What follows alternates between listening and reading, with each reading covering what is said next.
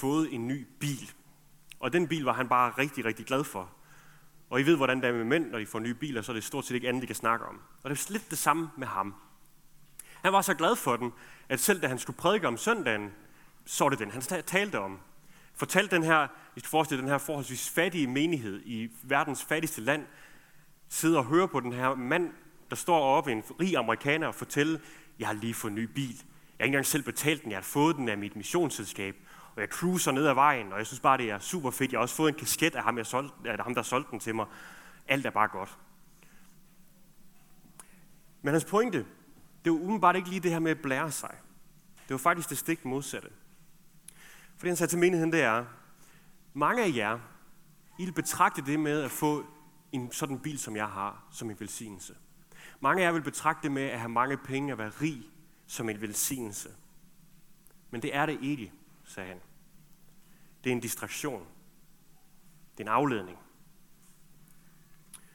Og det falder egentlig i ret godt god tråd med det, som vi også hørte fra det gamle testamente, som Anders læste op for os for et så lang tid siden, hvor Esajas siger det her med, at der er et slør, der er bredt ud over folkene. Der er et slør, der er bredt ud over folkene. Et slør, der gør, at vi kan se virkeligheden tydeligt. Et slør, der gør, at vi så nemt bliver distraheret fra det, som er vigtigt. For det, vi har behov for. For det, som kan frelse os.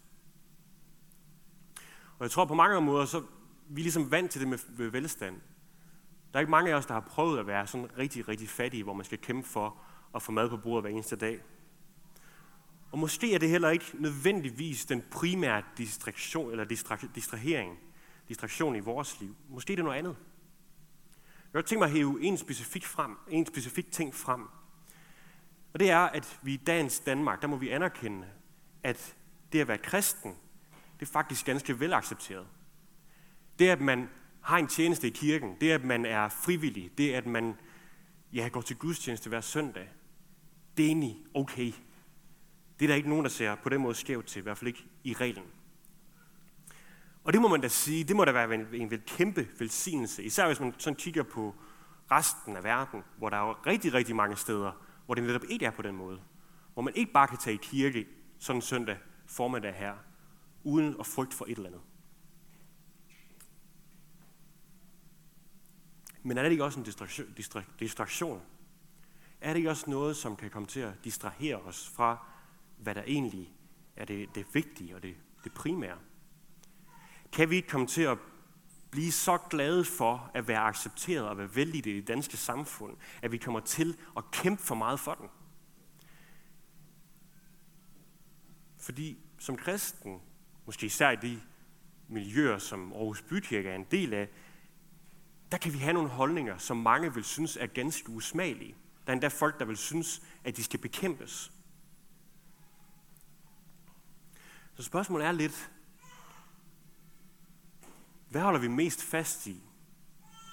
Holder vi mest fast i det at være vældigt som kristen? Eller holder vi mest fast i det, som Bibelen lærer os, der er sandt og vrang? Den her spænding mellem velsignelse og distraktion, den finder vi også i Jesu lignelse, som vi hørte ham fortælle lige før. Lignelsen den kommer fra et, øh, som et svar på en af de gæster, som Jesus var til fest sammen med. Og ham er gæsten, han siger til Jesus, salig er den, som sidder til bord i Guds rige. Wow, det er virkelig kristent og godt sagt. Men det Jesus svarer på, er egentlig det, der bliver sagt også mellem linjerne. Fordi som så mange andre religiøse forbilleder på det her tid, så, blev så så den, der var salig, var jo ham selv. Ham, der ikke havde noget i klemme. Så salig er jeg, der har mit på det tørre. Og der er det, Jesus netop siger, det er ikke lige helt sådan, du kan stille det op. Når man inviterer, når man inviterer til fest i, i dengang i Israel, så gjorde man det to, af to omgange. Første gang, så gik man ud, og så sagde man, nu skal I høre, om så og så lang tid, så er der fest, og jeg vil gerne have, at I skal med. Og så valgte man så at sige ja eller nej, men man havde jo ikke kalender man havde ikke lige en telefonisk kalender, der lige bubbede op med en notifikation, når nu det var tid til at gå. Så derfor blev tjeneren sendt ud anden gang, for at sige, nu er alt reddet. Maden er klar, I skal bare sætte jer til bordet. Kom. Og de her folk, som åndsynligt havde sagt ja første gang, de begyndte nu at afvise. Ej, jeg kan ikke lige helt alligevel. de var blevet offer for det her slør, Isaiah snakkede om. De var blevet opslugt af det nære, af det, de kan få ud af nu og her i livet. Der var nogle andre ting, de har sat værdi, end det ene at komme til den fest, de var indbudt til. Men omvendt, så kan de her undskyldninger også virke ganske harmløse. Der er en, der har købt en mark, det giver god mening, skal han ikke ud og besigtige den, se hvad han har købt. Men faktisk er de her tre undskyldninger en grov fornærmelse for ham som indbyder. Fordi jo, det er en rigtig god idé at kigge på en mark, men som man vil købe. Og dengang, der var der ikke forfærdelig meget jord i Israel, og man skulle i den grad sørge for, at det jord, man så nogle gange købte, at det faktisk var muligt at så, de så ting derpå, og så man kunne høste igen. Så det vil sige, hvis man købte en mark, så gik man altså ikke bare ind på eBay og så, nok der ser, den her ser spændende ud, den køber jeg. Nej, man går netop ud til marken, kigger ned i jorden, stikker fingrene i jorden, så at sige, undersøger, gør virkelig et stykke forarbejde for at sørge for, at den jord, jeg køber, er god. Når man så har købt jorden, så er der umiddelbart ikke nogen, noget behov for, at man lige skal ud og se til den. Det har man allerede gjort. Så når der er en, der, er, der, er en, der siger til ham, tjeneren, jeg har købt en mark, jeg skal lige ud og kigge til den. Så det, en virkeligheden siger, det er, jeg gider ikke komme til dit dumme fest. Det svarer lidt til, hvis der er en, der kommer og inviterer mig til en fest og siger, vil du ikke komme til det her? Nej, men jeg kan ikke den dag. Jamen, jeg har ikke fortalt dig, hvornår det er endnu. Det er stort set det samme. En grov fornærmelse.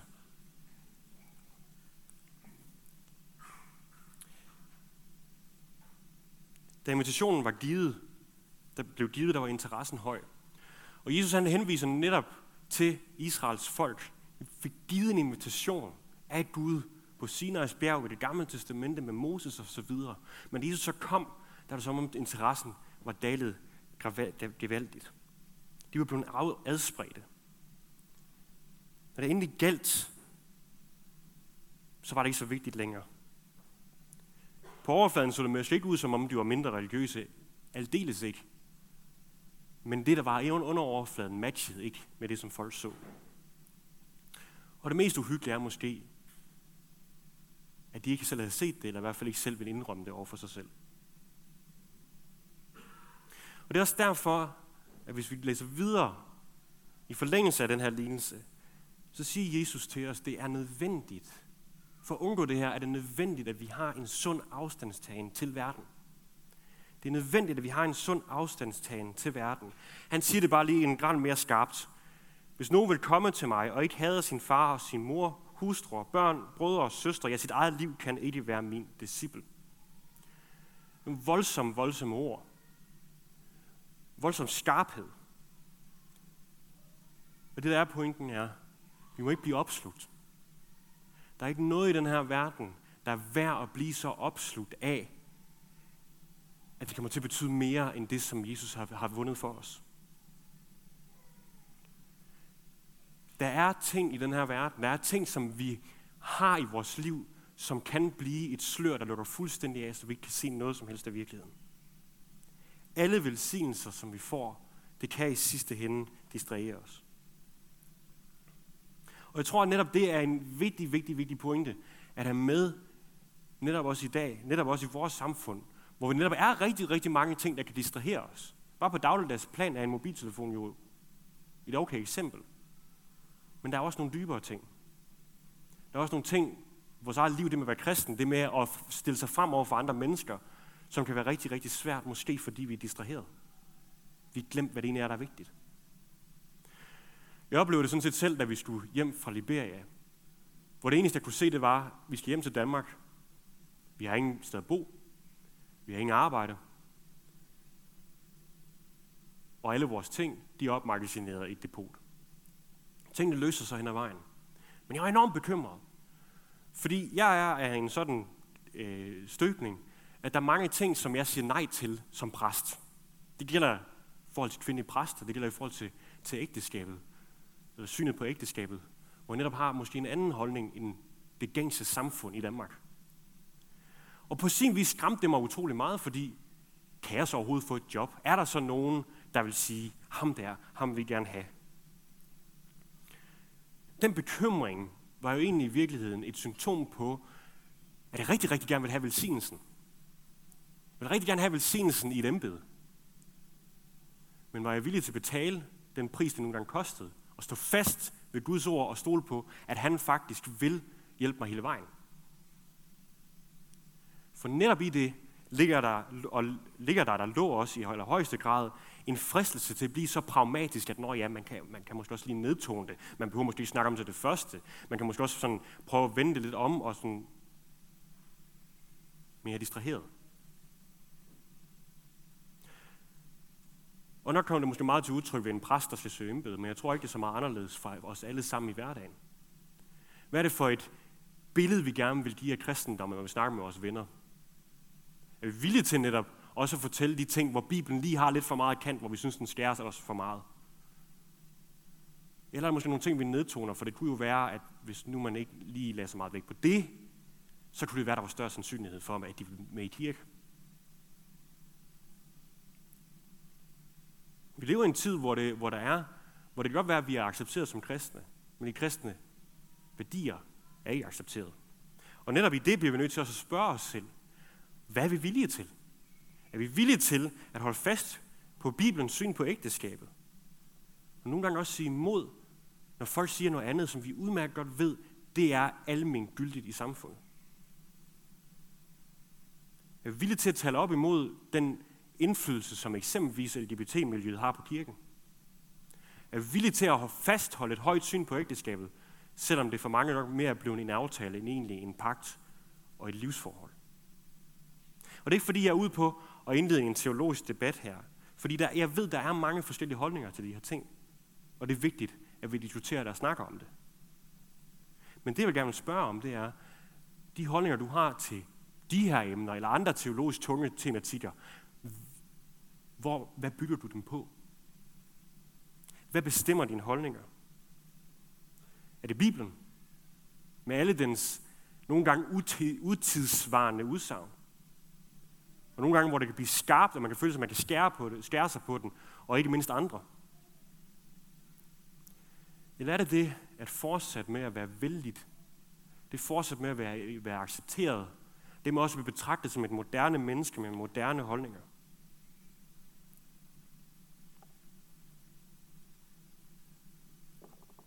Men handler det ikke helt om Jesus i bund og grund? Jo, det gør det. Det handler om Jesus. Men hvis vi kommer til, bevidst eller ubevidst, at trække brøden ud af Bibelens ord, så trækker vi også brøden ud af Jesu ord, og i sidste ende også ud af, hvem han er. Så devaluerer vi, hvem han er. Og Satan, djævlen, forsøger hele tiden at finde den mindste sprække hos os for at få os væk. Og nogle gange er det netop ved svække vores holdninger, ved bygge på noget andet, på nogle andre, på et andet grundlag, end det Bibelen lægger op til. Og det er netop også derfor, at Bibelen er så vigtigt at have med i vores hverdag. For jeg vil våge den påstand, at hvis vi dagligt lader os påvirke af, hvad Helligånden vil tale til os igennem vores bibellæsning, jamen så vil vi også ved Helligåndens hjælp kunne se mere klart. Og derved vil vi også være mindre tilbøjelige til at give køb på de svære ting, som Bibelen nok kan forkynde, men som i virkeligheden også er ganske frisættende. Bibelen og det at holde sig fast til, holde sig til den hver eneste dag om muligt, det er nødvendigt, fordi vi lever i syndefaldets verden, hvor vi som mennesker ikke selv kan regne ud, hvem Gud er og hvad han vil. Hvis det var overladt til os selv, at vi skulle på en eller anden måde støbe billedet af, hvem Gud er, så vil vi tage fejl. Hvis vi er overladt til os selv at finde ud af, hvad der er Guds vilje, så vil vi tage fejl. Vi har ikke kapaciteten i os til at kunne regne Gud ud. Den må blive forkyndt os den må blive fortalt til os. Og det er netop der, hvor Bibelen er tydelig og fortæller os, hvem Gud er, og modsiger os nogle gange, når vores syn på ham kan være en lille smule fordrejet. For det giver ikke sig selv, og det strider mod vores, vores fornuft, at et nyfødt barn skulle være fordavet med synd. Det strider også mod vores sunde fornuft, at gode mennesker går fortabt, bare fordi de ikke lige tror på Jesus. Omvendt så strider det også mod vores sunde fornuft, at vi bliver frelst alene på baggrund af det, Gud har gjort, og ikke det, jeg har gjort. Alle de ting bliver vi nødt til at blive mindet om igen og igen og igen og igen. Hvis vi ikke gør det, så bliver vi nemt distraheret, og vores tanker kommer til at forme et andet billede, end, som, end det Bibelen egentlig siger.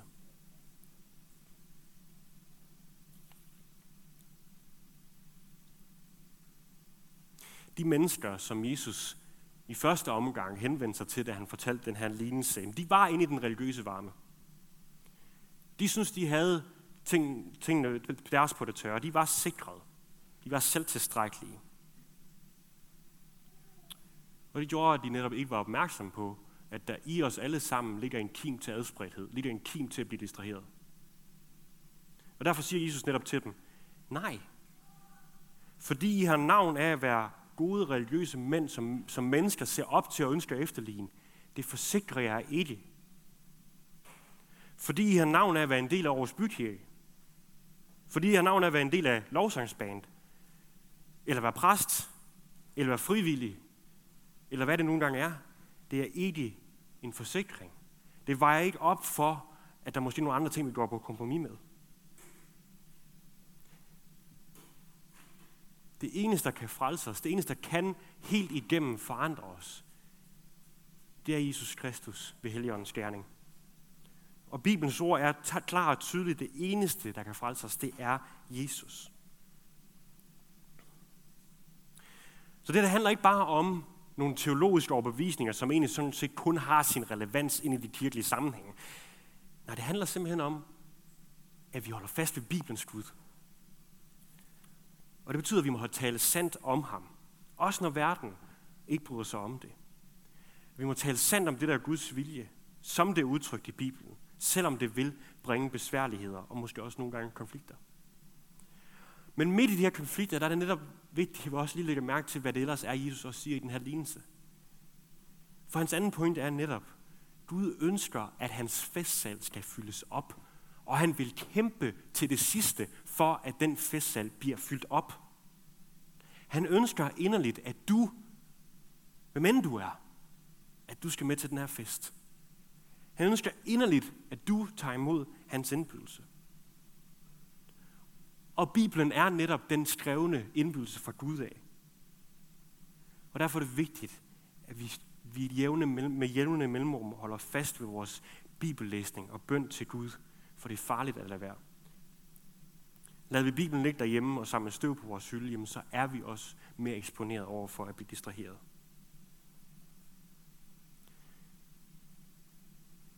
For dig, der er døbt og tror på Jesus, der er invitationen blevet givet første gang. Det blev givet dengang du eller dine forældre sagde ja til at vil tro på Jesus og blive døbt. Der blev invitationen givet første gang.